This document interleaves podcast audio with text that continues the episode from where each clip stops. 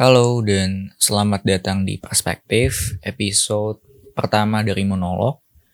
Dan kali ini di tanggal 18 gue record episode perdana ini, gue pengen bahas tentang hmm, Putri Tanjung.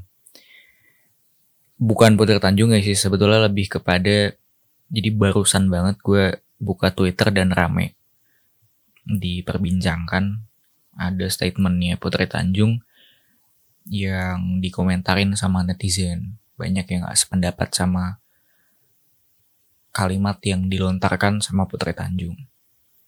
Jadi si Putri Tanjung ini mengeluarkan statement gimana kita bisa tahu resikonya kalau nggak kita ambil high risk, high return. Nah kali ini yang pengen gue bahas itu ada beberapa hal. Yang pertama gue ingin memberikan perspektif gue tentang statement yang dikeluarkan sama Putri Tanjung. Dan gue juga ingin membahas mengenai reaksi yang diberikan oleh netizen terhadap statement yang Putri Tanjung. Yang pertama, menurut gue gue ngerasa nggak ada yang salah dari statement yang dikeluarkan sama Putri Tanjung. Kenapa? Karena memang benar adanya gitu. Kalau kalau dilihat dari pengertian kalimatnya ya, iya kita emang nggak tahu resiko dari apa yang kita ambil kalau kita nggak nyoba dulu kan gitu. Emang prinsip high risk dan high return itu benar adanya menurut gue. Lagi-lagi ini perspektif gue. Jadi gue rasa nggak ada yang salah sama statement yang dikeluarkan oleh Putri Tanjung. Tetapi kalau gue baca reply dari tweet-tweetnya ini, banyak yang membahas tentang privilege, privilege-nya Putri Tanjung gitu. Jadi lebih kepada, kayaknya omongannya tuh nggak relate kalau yang ngomong Putri Tanjung, karena hidupnya dia tuh udah udah privilege sedari kecil ya. Gimana enggak dia anaknya Holkal Tanjung gitu kan. Tapi menurut gue nggak juga. Iya walaupun apa ya agak klise emang untuk bahas tentang privilege dan sebenarnya gue pengen bahas tentang ini di segmen berdialog. Gue ingin membahas ini sama orang lain karena ya klise kalau ngomongin privilege. Singkatnya, ya gue merasa setiap orang tuh punya privilege masing-masing, beda-beda gitu. Nggak mandang latar belakangnya, ya, ya menurut gue ya. Ini ini singkatnya aja. Mungkin detailnya akan gue bahas di episode-episode selanjutnya. Tapi ya, ketika Putri Tanjung mengeluarkan statement ini dan banyak yang gak setuju. Dan dari yang gue lihat, yang gue tangkap itu lebih kepada reaksi netizennya itu lebih kepada ya gak valid lah statement kayak gini. Gak semua orang berani ngambil resiko. Karena kan gak semua orang anak orang. Gak semua tuh anak orang kaya atau orang yang mampu secara finansial kayak lo. Jadi berani untuk uh, ambil resiko yang tinggi gitu. Karena dia juga pengen return yang tinggi gitu. Lagi-lagi menurut gue nggak nggak juga gitu. Nggak mesti punya kemampuan finansial yang cukup atau datang dari latar belakang keluarga yang kaya raya untuk hmm, kita bisa ambil resiko yang tinggi gitu untuk uh, ya untuk menerapkan si prinsip ini high risk high return menurut gue nggak nggak mesti Ya tapi kan kalau di backup sama kekayaan keluarga ketika jatuh ya lebih aman ya. Nggak nggak tahu ya gue juga gue bukan datang dari latar belakang yang kaya gitu. Cukup lah. Tapi yang gue lihat prinsip Harris Return ini tidak hanya hal-hal yang besar gitu. Bisa dimulai dari hal-hal kecil sesimpel apa ya? Gue coba uh, cari contoh yang mudah untuk dianalogikan. Hmm, contoh yang tidak hmm, ada kaitannya sama finansial gitu. Kenapa gue coba cari contoh yang ke arah sana? Karena gue ingin membuktikan bahwasanya ya prinsip high return ini konteksnya tidak hanya pada segmentasi fin finansial gitu. Di hal lain juga sama. Misalkan kalau gue berusaha untuk konsisten pada satu bidang gitu. Gue fokus di satu bidang ini, gue jadi nggak uh, fokus di bidang yang lain. Contoh, um, contohnya gini deh, gue gue punya kemampuan di fotografi, videografi dan desain. Gue coba kembangin satu, salah satunya aja deh, nggak kembangin tiga-tiganya. Kenapa? Karena gue rasa kalau gue kembangin, uh, gue bisa jago di satu hal ini, gue bisa lebih sukses gitu. Ketika gue komit untuk melakukan hal itu, menurut gue ya, di situ gue juga sudah menerapkan prinsip high risk return ini. Kenapa? Karena ketika gue sudah komit untuk, oke okay, gue fokus untuk mengembangkan skill gue di salah satu bidang. Tidak di ketiga bidangnya gitu. Tidak di uh, ketiga bidang yang tadi, yaitu fotografi, videografi, dan desain. Misal gue cuma pengen fokus di bidang videografi aja. Bisa jadi gue melewatkan resiko ke depannya ketika ada orang yang ingin membutuhkan jasa gue di bidang fotografi dan desain, gue nggak bisa. Itu adalah resiko loh menurut gue. Dan bisa gue katakan itu resikonya tinggi kalau kalau ternyata itu adalah pekerjaan yang nominalnya juga menjanjikan. Bukankah itu juga termasuk ke dalam resiko yang bisa dikatakan tinggi nih? Karena ya udah gue cuma pengen fokusnya di videografi aja. Gue cuma pengen fokus di salah satu bidangnya aja. Ya di sini kan secara tidak langsung gue juga sudah mencoba untuk menerapkan si prinsip ini, high risk return. Jadi ketika gue komitmen untuk fokus di satu bidang, yaitu videografi, dan gue tekun beneran uh, berusaha untuk bisa mengembangkan skill gue, return yang gue dapat bisa juga tinggi. Dalam artian, ya kalau memang gue ternyata bisa mengembangkan skill gue di bidang itu, bisa jadi orang-orang yang ingin mempekerjakan gue di bidang videografi jadi semakin percaya dan tahu bahwasanya kemampuan gue di atas rata-rata karena memang spesialisasi gue hanya di satu bidang. Walaupun ada juga kemungkinan sebaliknya. Kalau ternyata setelah gue coba untuk mengembangkan di videografi, ternyata gagal dalam artian. Gue udah udah meluangkan waktu gue, udah meluangkan tenaga gue, ternyata nggak maksimal ternyata kemampuan gue di videografi itu nggak seberapa. Gue ternyata lebih mampu di bidang desain misalkan. Iya, lagi-lagi, menurut gue itu masih masuk ke dalam prinsip high risk dan high return. Ketika gue gagal fokus di salah satu bidang, iya gue sudah melewatkan kesempatan untuk bisa maintain kemampuan gue, di tiga bidang itu gitu. Itu contoh yang gue rasa Semoga bisa mudah untuk dipahami tentang prinsip high risk dan high return ini. Dan selanjutnya yang ingin gue bahas adalah respon netizen tentang statementnya Putri Tanjung gitu.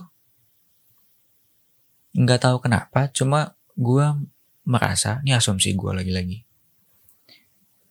Statement yang sama dikeluarkan oleh orang yang berbeda, bisa bakal berbeda juga kita gitu outputnya mungkin bisa nggak serame ini mungkin nggak bakal di uh, apa ya nggak nggak bakal serame ini di komentaran sama netizen gitu. Dan yang jadi pertanyaan gue kenapa? Apakah balik lagi karena Putri Tanjung adalah seorang anak dari Hairil Tanjung yang di mana dikatakan oleh netizen dia ini itu punya privilege gitu.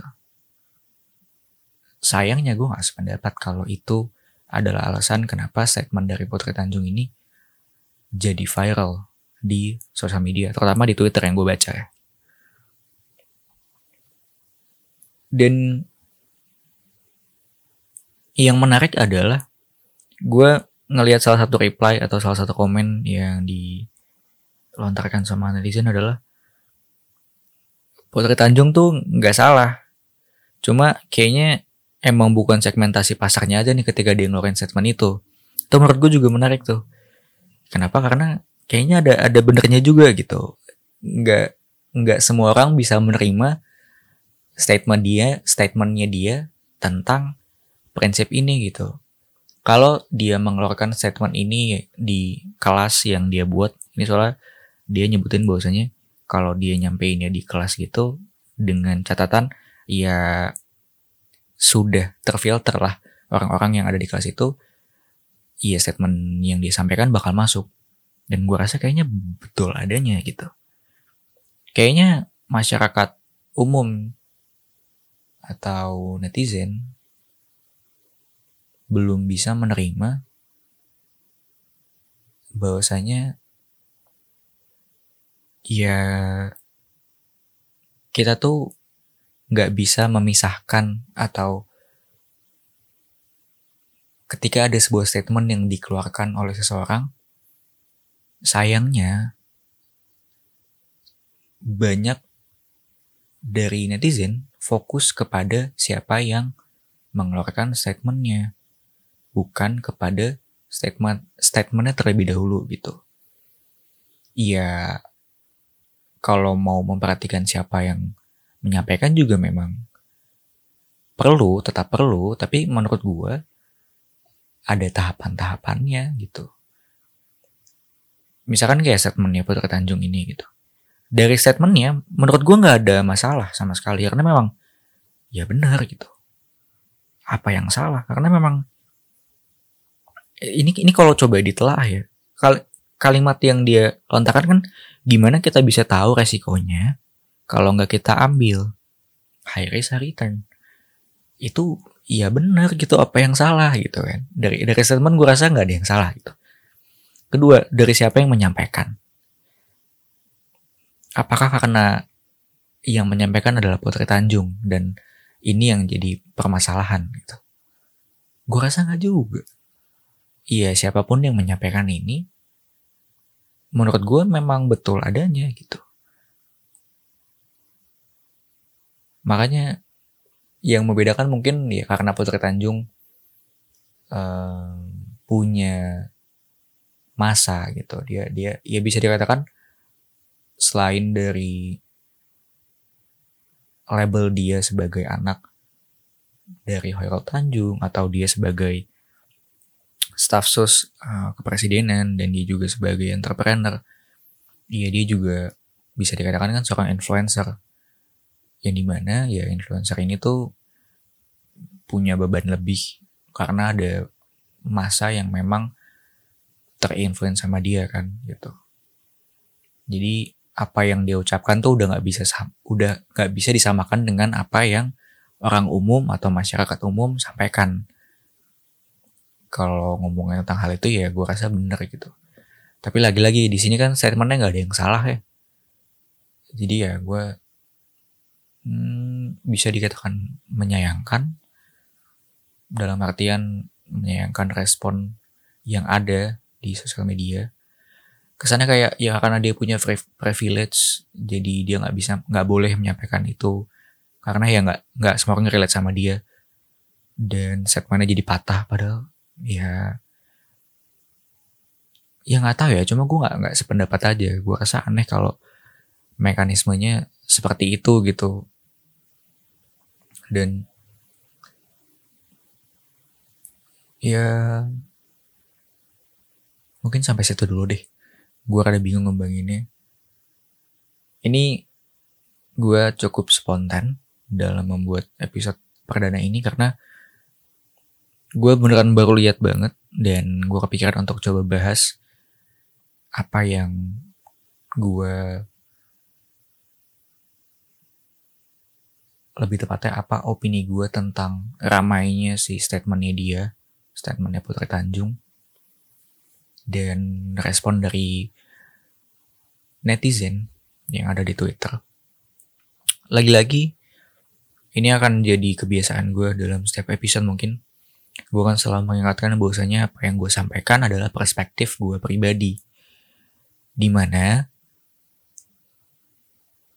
kalau ada yang tidak sependapat, iya nggak masalah. Karena gue membuat atau membagikan perspektif gue dengan tujuan bukan mencari orang-orang yang sependapat dengan perspektif gue. Tapi lebih kepada gue hanya ingin membagikan perspektif gue tentang hal-hal yang entah itu lagi viral dibicarakan atau keresahan yang datangnya dari diriku pribadi. Jadi sekali lagi gue ingin mengingatkan bahwasanya episode ini atau perspektif gue adalah murni nih datangnya dari diri gue pribadi. Kalau kalian memang sependapat sama gue, ya ya udah. Kalau nggak sependapat sama gue, ya udah. Tapi gue malah membuka ruang diskusi kalau misalkan ada dari kalian yang ingin memberikan perspektif yang berbeda tentang segmen dari Putri Tanjung ini. Siapa tahu dengan kita bisa bertukar perspektif, gue juga jadi punya sudut pandang lain dan bisa merubah juga pola pikir gue tentang privilege ini mungkin karena memang ya masih banyak berbagai kemungkinan untuk gue bisa merubah pola pikir kan. Kurang lebih seperti itu untuk episode ini. Semoga ya nggak nggak tahu sih bermanfaat apa enggak. Sekian dan jangan lupa untuk cek Instagram perspektif di perspektif ID dan sampai jumpa di episode episode berikutnya dari monolog ataupun podcast dari perspektif.